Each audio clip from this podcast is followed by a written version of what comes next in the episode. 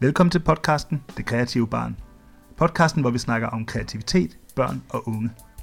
Podcasten er til dig, som er nysgerrig på at høre mere om at udvikle børn og unges kreativitet.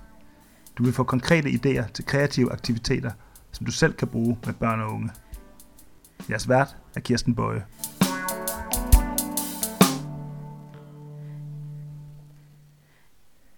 Hej, og velkommen til den femte podcast i podcastrækken Det Kreative Barn. Jeg hedder Kirsten Bøje, og jeg lever af at lave workshops, der udvikler barnets evne til at få nye idéer. Og så holder jeg foredrag for voksne om, hvordan de kan skabe nytænkning hos børn og unge. Dagens emne er kreative aktiviteter for børn i 0-3 år, og det er et ønske fra en pædagog, jeg har mødt på min vej. Hun savner inspiration til at lave kreative aktiviteter for børn i alderen 0-3 år.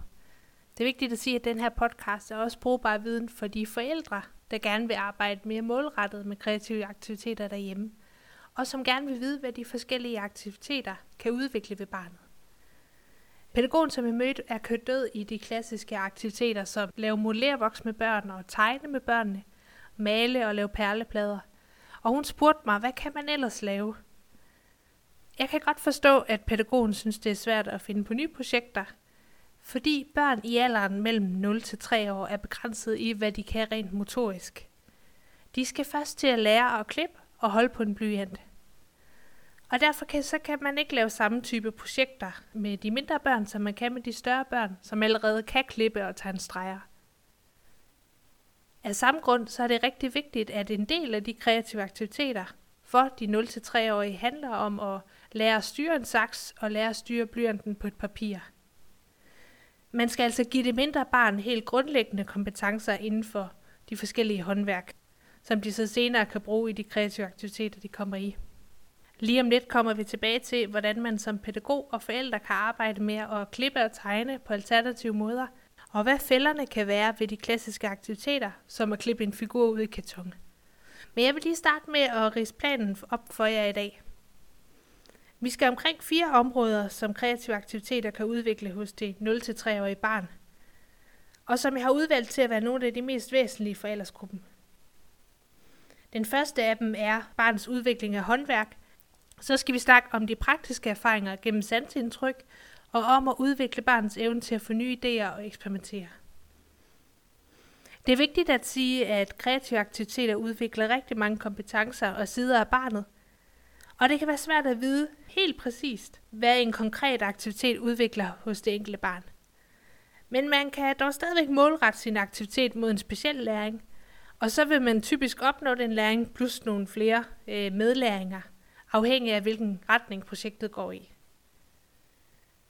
Det vil sige, hvis man planlægger et tegneprojekt med toårige børn, med det formål at udvikle barnets tegnehåndværk, så kan det være, at undervejs i projektet, der opstår en stor interesse for at tegne cirkler, og for at børnene tegner cirkler for hinanden. I sådan et tilfælde, så vil projektet ende med at udvikle børnene inden for at tegne geometriske former, som cirklen, men også udvikle børnene inden for samarbejde og det at hjælpe hinanden. Og på den måde, så er der ofte en masse medlæringer eller bonuslæringer i de kreative aktiviteter – så længe at rammen er bred nok til, at barnet selv kan være med til at bestemme retningen i opgaven. Det første punkt af de fire punkter, vi skal snakke om af læringer i de kreative aktiviteter, er barnets håndværk. Og det er mit indtryk, at det bliver arbejdet rigtig meget med at lære børn at tegne i vuggestuen. Nogle steder bliver det også arbejdet med de her klip. Der er det først i børnehaven eller for de allerstørste vuggestuebørn, at man begynder at arbejde med at klippe. I forhold til at tegne, så skal barnet igennem en udvikling i at holde om blyanten. Barnet starter med at holde om blyanten i det, der hedder et topgreb, øh, som vil sige, at barnet har sin knytnæve rundt om blyanten. Og det er altså, når barnet er 1-2 år. Når det er 2-3 år, så skifter det sig til et proneret greb, hvor man har, barnet har alle fingrene strakt rundt omkring blyanten, hvor at blyantens ene ende er inde i hånden. Og når barnet bliver ældre, så øh, skifter det til at have et skrivegreb, som er det samme greb på blyanten, som vi voksne har. Og den udvikling kan voksne støtte op omkring ved at motivere barnet til at tegne meget. Og også ved at vise barnet de nye måder, at kan holde på blyanten på, øh, og give barnet inspiration til den udvikling, der skal ske. Man kan se, om barnet er klar til at prøve på en ny måde, ved at prøve at vise det. Og hvis barnet ikke tager imod den nye metode, så kan man vente lidt tid med at foreslå det igen. En måde, man kan motivere barnet til at tegne på nye måder end øh, på almindelige papir, kan være at tage en stor papkasse, som øh, barnet kan kravle ind i, og, øh, og på den måde både tage ind i papkassen og uden på papkassen. På den måde får barnet en ny form for papir, som både er rummelig, interessant at undersøge med blyanten på nye måder. Man kan også købe ansigtsfarve i, i stifter, lidt ligesom farvestifter, øh, hvor at barnet meget nemmere kan male øh, med ansigtsmaling, modsætning til hvis man køber ansigtsmaling i sådan en farvelade og skal bruge en pensel til at få det op med.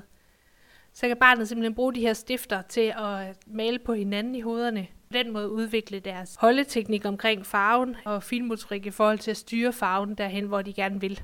Børnene kan både male på hinanden, men de kan også male på deres egen arme, hvis I er mere tryg ved det. I forhold til at klippe, så ved jeg, at der er mange vuggestuer og børnehaver, der øver klipning ved, at pædagogen tegner en figur på et stykke karton. Lad os sige, at de skal tegne en nisse op til jul øh, på et rødt stykke papir. Barnet skal så herefter klippe efter pædagogens streg, så præcist som muligt. Senere bliver nissen hængt op på stuen sammen med de andre børns nisse, og kommer til at pynte ind til julen over. Til foråret så skal børnene så lave blomster i karton i stedet for. Og sådan kører det. Når barnet laver en næst på den måde, så er der ikke plads til barnets eget udtryk eller egen streg. Barnet lærer og ser, at der er en rigtig måde at lave nissen på, og det er at klippe så præcis som muligt. Derfor vil jeg gerne vinkle klippeaktiviteterne anderledes. For at give plads til barnets egen streg, vil jeg gerne vinkle klippeaktiviteterne anderledes. Enten ved, at barnet klipper frit et stykke papir. Det er lidt ligesom kunstneren Matisse, øh, som sagde, at han tegnede med saksen, når han klippede store farverige blade ud i papir.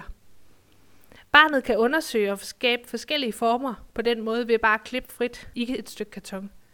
Eller barnet kan tegne en figur på et stykke papir, som det så bagefter kan øve sig i at klippe ud så præcis som muligt, hvis man gerne vil have det der med at klippe efter en streg. Den anden vigtige læring er praktiske erfaringer gennem sansindtryk. Barnet har brug for forskellige artede sansindtryk øh, og multisansninger, altså nogle aktiviteter, der påvirker mange forskellige sanser på samme tid. Det gør barnet nysgerrigt, og det skaber en lyst til aktivitet. Og hvis barnet mangler de her multisansninger, så bliver børnene passive. Så det er altså vigtigt, at de får mange sansindtryk, og at de har kroppen med i de her sansindtryk. Når barnet ser fjernsyn for eksempel, så er det kun syns- og høresansen, der er aktiveret. Og det giver altså barnet en andenhåndsoplevelse. De har ikke kroppen med i det, de sidder og ser det passivt. De kan ikke mærke noget på deres krop. Og vi skal simpelthen ud og give børnene nogle sanseerfaringer, hvor de har flere sanser i spil på samme tid, og hvor de har kroppen med. Fordi det er der, de skaber de store erfaringer, som så bliver læret.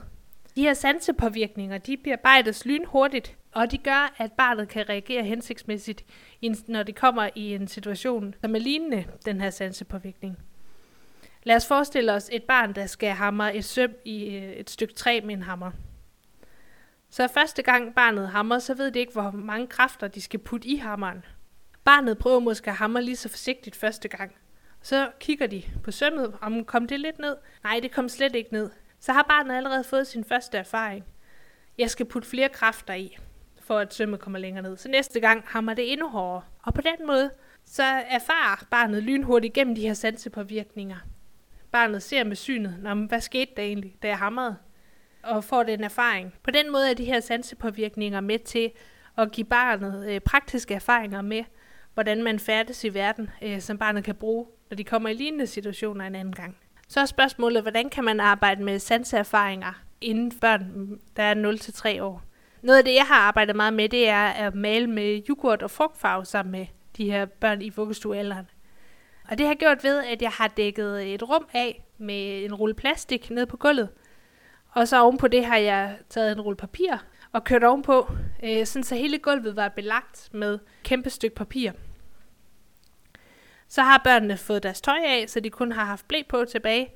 Og så har jeg taget nogle skåle med øh, yoghurt og frugtfarve i grundfarverne, altså i gul og i rød og i blå. Så har børnene fået en skål hver, og de har fået lov til at vælge, hvilken farve de vil starte med at male med. På den her måde så bliver rigtig mange af deres sanser aktiveret. De kan mærke yoghurten med følesansen. De kan se yoghurten med deres syn, og de kan se, hvordan farverne blander sig. De kan lugte yoghurtens lidt syrlige lugt, og de kan smage yoghurten. Den eneste sans, der ikke er aktiveret, er deres høresans. Og gennem det her setup, så erfarer børnene, hvordan de kan blande yoghurterne, blande de forskellige farver. De erfarer, hvad der sker, hvis de blander gul og blå sammen. Så finder de ud af, at oh, det giver grøn. Det her farvekendskab, som børnene får gennem med at blande yoghurtens farver, det kan de så bruge til næste gang, øh, de er i en lignende situation. For eksempel skal blande maling inde på værkstedet. Sidst jeg prøvede det her med vuggestuebørn, der blev det til et kæmpe eksperiment, hvor de undersøgte, hvad de kunne male på os. De begyndte at male på hinanden. De malede hinandens hår. Fandt ud af, at det kunne de faktisk farve med det her frugtfarve yoghurt. Øh, der var også nogen, der puttede det ind i ørerne. Og de fik også øje på en klud ude på toilettet, som de begyndte at male med. Så børnene forstod også at eksperimentere med den her nye situation. Og også rykke på de rammer, der var for aktiviteten. Og undersøge, hvad kan man egentlig bruge yoghurtmaling til. En anden sjov metode at skabe øh, sansepåvirkninger på er at lave øh, modellervoks, hvor man putter instant kaffe i. Ved at putte instant kaffe i modellervoksen, så får både modellervoksen en anden duft øh, af kaffe, det får en anden struktur med de her små brune prikker i, og det skifter også farve efter kaffen. Så det er altså en måde at, at påvirke flere sanser ved den aktivitet modellervoks. Øh, generelt så handler det om at skabe nogle rammer for en sanselig oplevelse, hvor så mange som muligt sanser er i spil på samme tid. Og så handler det om for den voksne at hjælpe barnet med at sætte ord på, hvad dufter her af, hvordan smager det, hvordan ser det ud. Hjælp med at sætte ord på de her sansepåvirkninger, som barnet får. Du lytter lige nu til podcasten Det Kreative Barn med Kirsten Bøje. Husk, at du altid kan finde mere inspiration til at udvikle børn og unges kreativitet ved at følge vores Facebook-side, Den Kreative Afdeling, eller vores blog, som du finder på www.denkreativeafdeling.dk. Den tredje vigtige læring er, øh, at barnet øver sig i at få idéer. Den maltesiske professor Edward de Bono han siger, at kreativitet er en evne til at bryde normale tankemønstre og til at koble nye ting sammen. Og det er lige præcis den evne til at få nye idéer, som jeg gerne vil fastholde og stimulere hos børnene. De fleste børn er ret gode til at øh, sætte nye ting sammen fra start af, fordi de har ikke alle de kasser op i hovedet, som vi voksne har tillært os, og alle de samme mønstre. Så tit er børn ret gode til at tænke ud af boksen, særligt de små børn, men derfor kan det være vigtigt også at fastholde. Spørgsmålet er, hvordan man arbejder med barnets evne til at få nye idéer, og hvordan man får det frem. Noget af det, jeg har bedst erfaringer med, det er at stille barnet i nye situationer, som det ikke har prøvet før, og som tvinger barnet til at koble nye ting. Det kan være ved at bruge alternative materialer i de kreative aktiviteter. For eksempel har jeg arbejdet med, at børnene gik ud i naturen og fandt materialer til at male med. Øh, når vi så kom tilbage i værkstedet, så var det forbudt at bruge pensler. Men så måtte de undersøge, hvordan kan jeg male med den her kastanjeskal, som jeg har samlet. Kan jeg trykke med den? Så fandt de ud af, at der var sådan nogle små pigge på. Dem kunne de lave en øh, form for stempel på papiret med fandt også ud af, at de kunne faktisk lave en pensel ud af en pind, og en masse græs og et elastik. Og på den måde kunne de eksperimentere sig frem til at bruge de her øh, naturmaterialer, i stedet for at bruge en pensel, som de plejede. Jeg har også arbejdet med at bygge øh, robotter af affald, hvor jeg har samlet en masse forskellige emballage, affald, forskellige flamingo, og som børnene så skulle bruge som inspiration til at bygge robot. Og de her forskellige tilfældige øh, stykker skråt, som de skulle bruge til at bygge deres robot med, det var med til at give dem nye idéer til, hvilke robotter de kunne bygge. Så det var med til at sætte deres idéer i gang, at materialerne var så forskellige, modsat hvis jeg bare havde haft øh, nogle stykker karton klar, de kunne tegne nogen på. Den fjerde læring, som også er væsentlig inden for målgruppen 0-3 år og kreative aktiviteter, er barnets evne til at eksperimentere.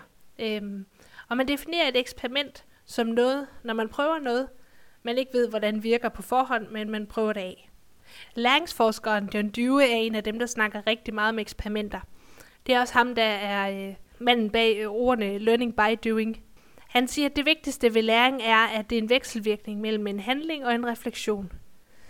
Det er ligesom eksemplet med sømmet og hammeren, som vi snakkede om ved sansninger, at barnet skaber en handling, når det hammer øh, sømmet ned i blok, og hvorefter det reflekterer om, hvor langt kom den så ned.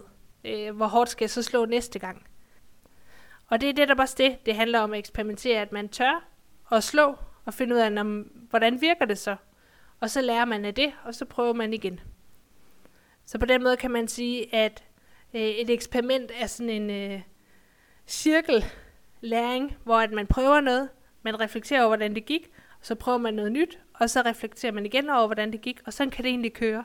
Noget af det vigtige, synes jeg, er, at man har mod til at turde eksperimentere, selvom man ikke ved, hvordan det hele ender. Og det har den her målgruppe egentlig oftest. De fleste børn i den her alder har mod til at ture eksperimentere. Men ikke desto mindre er det rigtig, rigtig vigtigt at fastholde, sådan så de ikke mister den hen ad vejen, når de bliver ældre. I forhold til mod, så er jeg meget inspireret af Pippi Langstrømpe, som har mottoet, det har jeg ikke prøvet før, så det kan jeg godt. Og jeg tænker, at hvis vi kan lære det videre til børnene, at det er den, øh, det udgangspunkt, de skal have, når de skal lære nogle nye ting, så er de rigtig, rigtig godt på vej, fordi så kan de lære det meste, hvis de bare tør at kaste sig ud i det, og se, hvad der sker, og så prøve igen.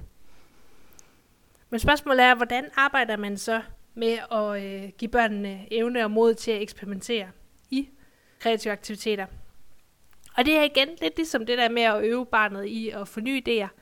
At man stiller barnet i nogle nye situationer, som barnet ikke har været i før, og så skal man opmuntre barnet til at prøve af, og så se, hvad der sker. Det kan være øh, et eksperiment med yoghurt og frugtfarve, hvor at man opmuntrer barnet til at prøve at stikke fingeren ned i mm, yoghurten, og prøve at tage den op og smage og se, hvad der sker, eller prøv at stikke fingeren ned på papiret og se, hvad der sker. På den måde kan man som voksen opmuntre barnet til at prøve nogle ting af og se, hvad der sker. Man kan også arbejde med aktiviteten, hvor vi hentede en masse naturmaterialer og eksperimenterede med, hvordan kan vi egentlig male med græs eller kastanjeskaller øh, eller øh, rantis. Fordi barnet på den her måde skal undersøge, hvordan bliver det egentlig, hvis jeg døber min kastanjeskal i maling og sætter det op på et stykke papir. Det ved man ikke, men det prøver man, og så ser man, hvad der sker, og så handler man ud fra det. Hvis man kan lide det, så gør man det 10 gange det samme bagefter. Hvis man ikke synes, det var så fint, så prøver man noget andet. Det er et eksempel på, hvordan man kan eksperimentere sig frem, hvis man sætter barnet i nogle nye situationer med nogle nye materialer, som det ikke har prøvet før, og hvor de bliver tvunget til at eksperimentere. Nu har vi været omkring fire væsentlige læringer for børn i alderen 0-3 år, når vi snakker kreative aktiviteter. Vi har snakket om barnets udvikling og håndværk, som er tegn og klippe. Barnets udvikling og erfaringer gennem sansindtryk. Barnets udvikling af at få idéer.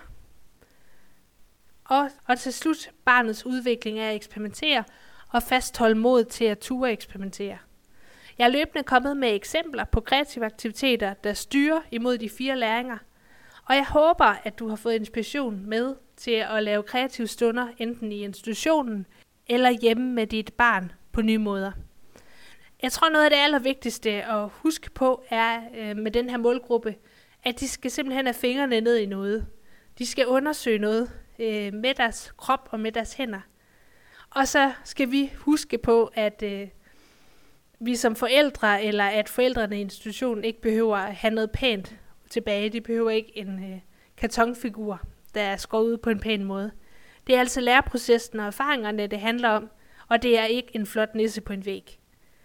Tak fordi I lyttede med. Tak fordi I lyttede til podcasten Det Kreative Barn. Podcasten om at udvikle børn og unges kreativitet. Hvis du vil være sikker på at følge med i podcasten Det Kreative Barn, kan du abonnere på podcasten i din podcast-app.